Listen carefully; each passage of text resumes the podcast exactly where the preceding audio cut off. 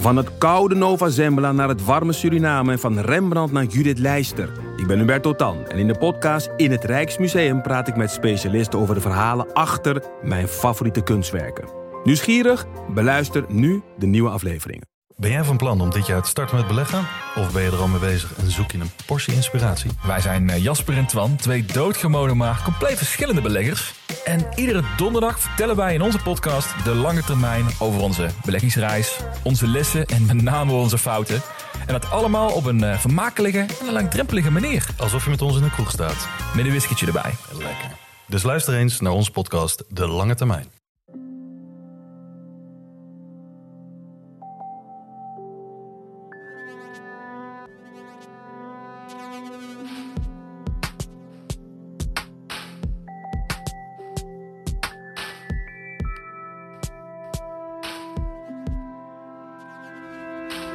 Hey, ik ben Pieter van Relaas.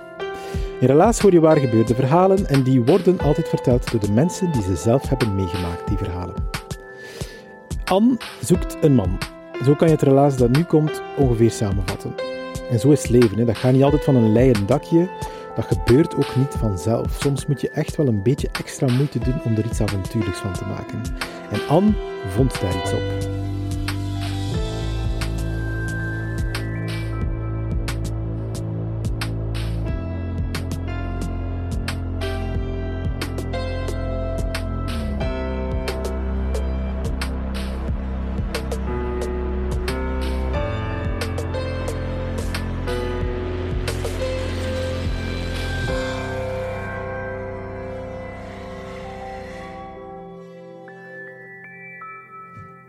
Ik was 15 jaar toen ik mijn eerste echte relatie had. En die heeft direct vijf jaar geduurd. En na die relatie kwam ik eigenlijk direct binnen de paar dagen weer iemand nieuw tegen. En die relatie heeft ook vijf jaar geduurd. En na die relatie, mijn derde relatie dus, ja, dat was ook binnen een paar dagen, die heeft twee, drie jaar geduurd. En ik was 27 jaar en ik had ja, drie lange relaties achter de rug. En ik ging ervan uit dat, de, ja, dat, ik wel snel een nieuwe man ging tegenkomen. Toen dat ik een appartement huurde, heb ik dan ook niet direct meubels gekocht. Ik had uh, een paar kartonnen dozen om op te eten en een matras op de grond. En ik ging ervan uit dat ik snel een nieuwe man ging ontmoeten. Ja, dus was het niet echt nuttig om dan weer allemaal nieuwe meubels uh, te gaan kopen, om die daarna weer allemaal te gaan moeten verkopen. Maar bon, die man die kwam er niet direct. Dus na een paar weken, maanden, kwamen er stilletjes aan toch, uh, toch ook meubels in mijn appartement. En ik was wel aan het daten en ik kwam wel nieuwe mannen tegen. Maar ik, uh, ik besefte mij heel duidelijk dat ik niet zomaar eenders welke relatie uh, wou. Ik, um, ik had goede relaties gehad, maar ik was vooral op zoek naar vuurwerkgevoel. Ik noemde dat vuurwerkgevoel. Dat is zo dat gevoel dat je ziet in de films en in de romantische sprookjes, waar dat je elkaar ziet en dat je direct weet dat je voor eeuwig gaat samen zijn. Het is grote liefde. Je voelt dat in heel je lichaam. Dat barst open. Dat uh, vuurwerkgevoel. En voor dat wou ik. En voor minder ging ik gewoonweg niet. Mijn vrienden vonden dat in het begin wel redelijk schattig zo. Ja, uh, Anne met haar vuurwerkverhaal. Grappig, hè? Na een paar jaar, rond mijn dertigste, 32ste, 34ste, begonnen die daar wel wat commentaar op te krijgen. Ja, ik hoorde wel ze al een keer zeggen dat ik moest ja, mij meer naar mijn leeftijd beginnen te, te gedragen, of dat ik wat minder difficiel moest zijn.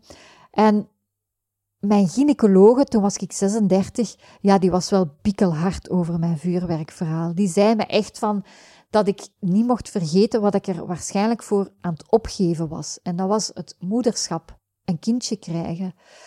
Want mijn vuurwerkverhaal was allemaal goed en wel, maar ja, mijn vruchtbaarheid als vrouw, die, dat, ging, dat ging alleen maar, um, ja, dat ging er niet, niet, niet goed mee. Um, de keer dat je 36 gaat, zijt, dan, um, ja, dan gaat je vruchtbaarheid drastisch naar beneden.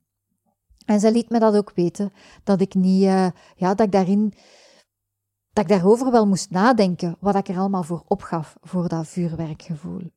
Al die opmerkingen hebben mij heel veel doen twijfelen natuurlijk, maar toch, ik bleef volhouden in mijn vuurwerkverhaal. En ik had ook heel veel dates, echt waar. Mijn agenda stond proppesvol. Ik was ingeschreven op heel veel datingsites en ik had best wel heel veel aandacht en ik kreeg heel veel uitnodigingen. Ik had niet maar één date per dag, ik had echt meerdere per dag. Dikwijls uh, ene vlak na het werk, een afterwork date, of uh, ja, daarna dan meestal ook een dinner date, hè, waar dat je samen mee ging gaan eten. En dus noods had ik s'avonds ook nog een keer een late evening date, rond 9 of 10 uur, um, om de avond mee af te sluiten. Na heel veel dates te hebben, na een aantal jaar, en het nog altijd geen vuurwerk uh, gevonden te hebben, bedacht ik mij in één keer dat ik misschien wel misschien mijn kansen moest vergroten. Die dates dat ik had, dat was altijd één op één. Ik kon er maximaal eigenlijk drie of vier op een dag doen. Dus ging ik ervan uit, hoe meer mannen dat ik tegelijk zou kunnen ontmoeten, hoe meer kans dat ik uh, op uh, vuurwerk had. Dus ik schreef me in voor alle mogelijke speeddates. Ik reed er echt het land voor door. Um, ik ging naar alle vrijgezellenfeestjes. Um, ik had ook een hele grote groep van vrijgezelle vrienden. En daar deden wij ook heel veel feestjes mee, van die afterwork feestjes. Um, een goede vriend van mij, Sven, die deed die ook allemaal mee. Dus ik uh, moest ook geen schrik hebben om, om ergens alleen toe te komen. Um, hij was ook vrijgezel. Hij was ook uh, ja, wel op zoek naar, naar een nieuwe relatie. En uh, ja, samen schuimden wij eigenlijk al die, uh, die afterwork vrijgezellen feestjes af. Hij was eigenlijk wel op zoek naar iets helemaal anders. Hij was niet op zoek naar vuurwerk, hij was gewoon op, op zoek naar, ehm, ja, naar een relatie. Dus daar stonden we wel een beetje anders erin. En we waren zelfs zodanig bevriend dat heel veel uh, van onze vrienden dachten dat we eigenlijk al een koppel waren. Maar dat was totaal niet zo. We waren ook, ja, we waren geen match en ik, ja, er was geen vuurwerk. Op den duur heb ik mij zelfs ingeschreven voor het huwelijksbureau. Daar heb ik heel veel geld voor betaald. En daar heb ik een paar dates mee gehad. Allee, die hebben mij op een paar dates uh, gezet. Maar geen vuurwerk. En um, na een paar dates zijn die uh, naar mij teruggekomen. Um, en hebben zij ook mij laten weten dat, dat ze geen match niet meer voor mij vonden. Ik heb hun direct ook gevraagd dat dat ik misschien een duurder abonnement moest nemen. Misschien lag het daaraan. Um, maar nee, uh, zij vonden geen match niet meer voor mij. Zij, zij konden mij niet verder niet meer helpen. En dat heeft mij echt wel gebroken, want die mensen van dat huwelijksbureau, dat zijn echt wel experten. Die, die doen dat voor hun broodwinning. Die hebben een hele grote database. En zelfs die mensen, die, die vonden geen, geen man voor mij. Daar ben ik echt heel, heel, heel diep op opgecrashed. En daar was ik dan 38 jaar en nog steeds vrijgezel. Er was wel iets merkwaardigs gebeurd. Tijdens de sportles was er in één keer een nieuwe sportleraar. En toen dat die binnenkwam, ja, toen voelde ik mijn vuurwerk. Die gast was totaal niet mijn type. Ik was er ook helemaal niet op voorbereid. Maar daar, in één keer, bam, echt waar vuurwerk. Jammer genoeg was hij niet vrijgezel, dus daar stopte het mijn vuurwerkgevoel.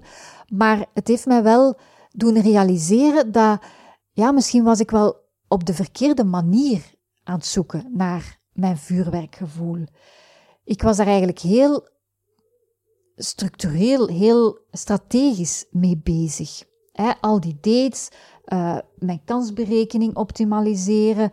En ja, dat was eigenlijk totaal niet romantisch. En ik besefte mij dat ik eigenlijk misschien meer moest beginnen daten waar dat, dat ik op mijn, op mijn buikgevoel kon, kon afgaan. En dat ik niet allemaal zo in mijn hoofd moest, uh, moest op voorhand plannen. Oké, dus ik wist twee dingen op dat moment. Dat mijn vuurwerkgevoel bestond en dat ik een keer moest gaan uh, zoeken naar een andere manier van daten. Naar een, een, een manier van daten vanuit mijn buikgevoel. En uit die vaststellingen ik, ben ik eh, met het lumieuze idee gekomen van een eigen website op te starten. Een eigen datingwebsite, waar dat ik eigenlijk mezelf verplichtte om de controle los te laten. Het is te zeggen, ik, um, ik vroeg via deze website, vroeg ik om mannen, aan mannen om mij op date te vragen. Eenders wat, en ik ging altijd ja zeggen. En dat was mijn manier om ja, de controle van het daten los te laten. Ik wist, ik, ik, ik nam mij voor dat ik niet wist wat dat we gingen doen, uh, met, met wie dat was, uh, maar dat ik echt gewoon ging in het avontuur stappen.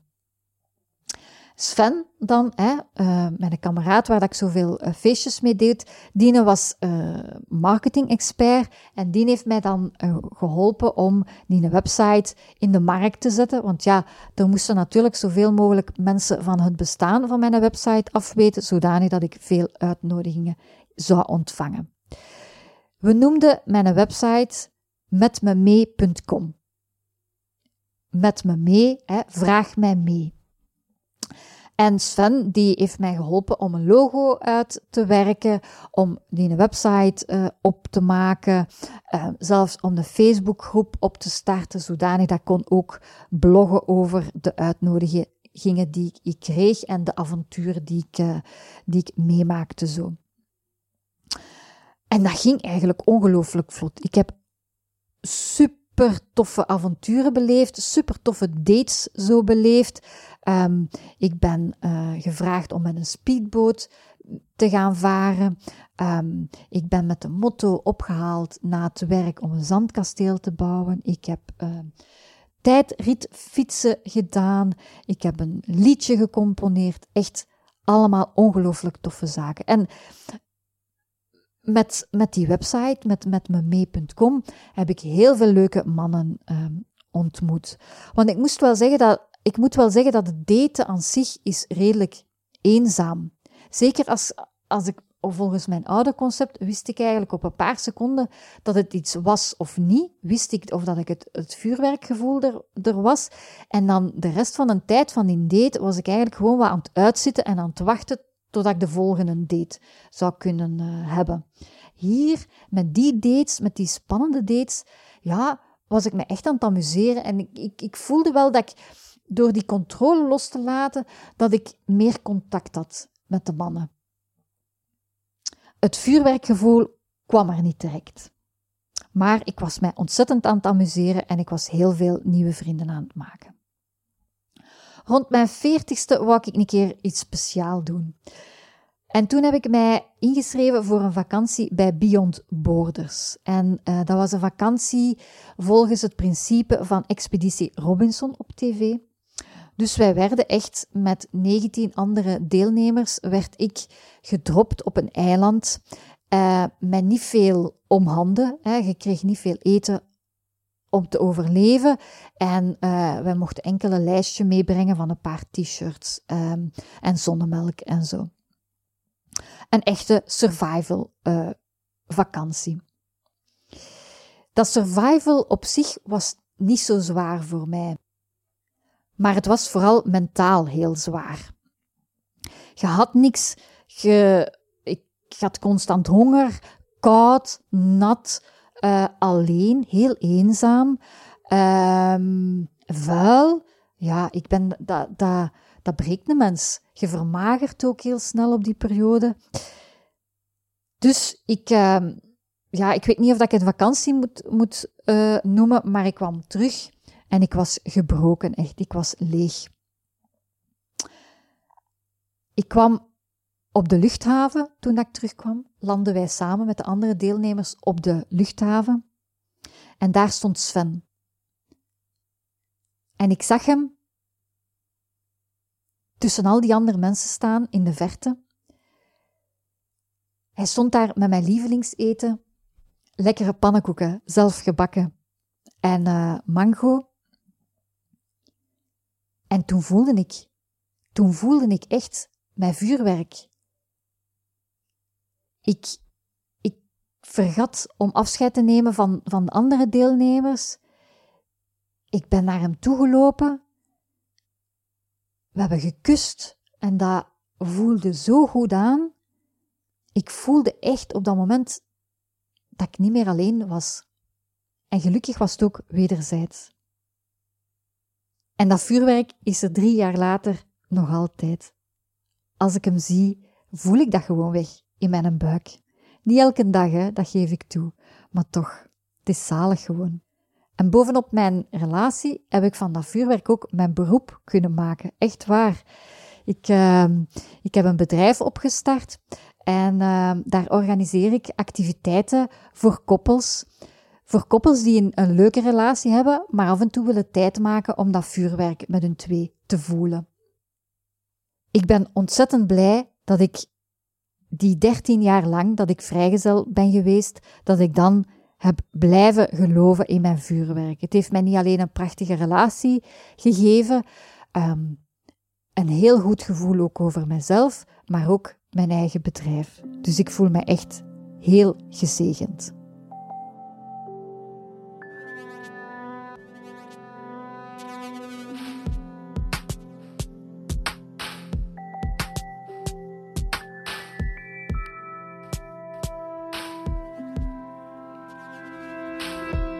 Dat was het relaas van Anne.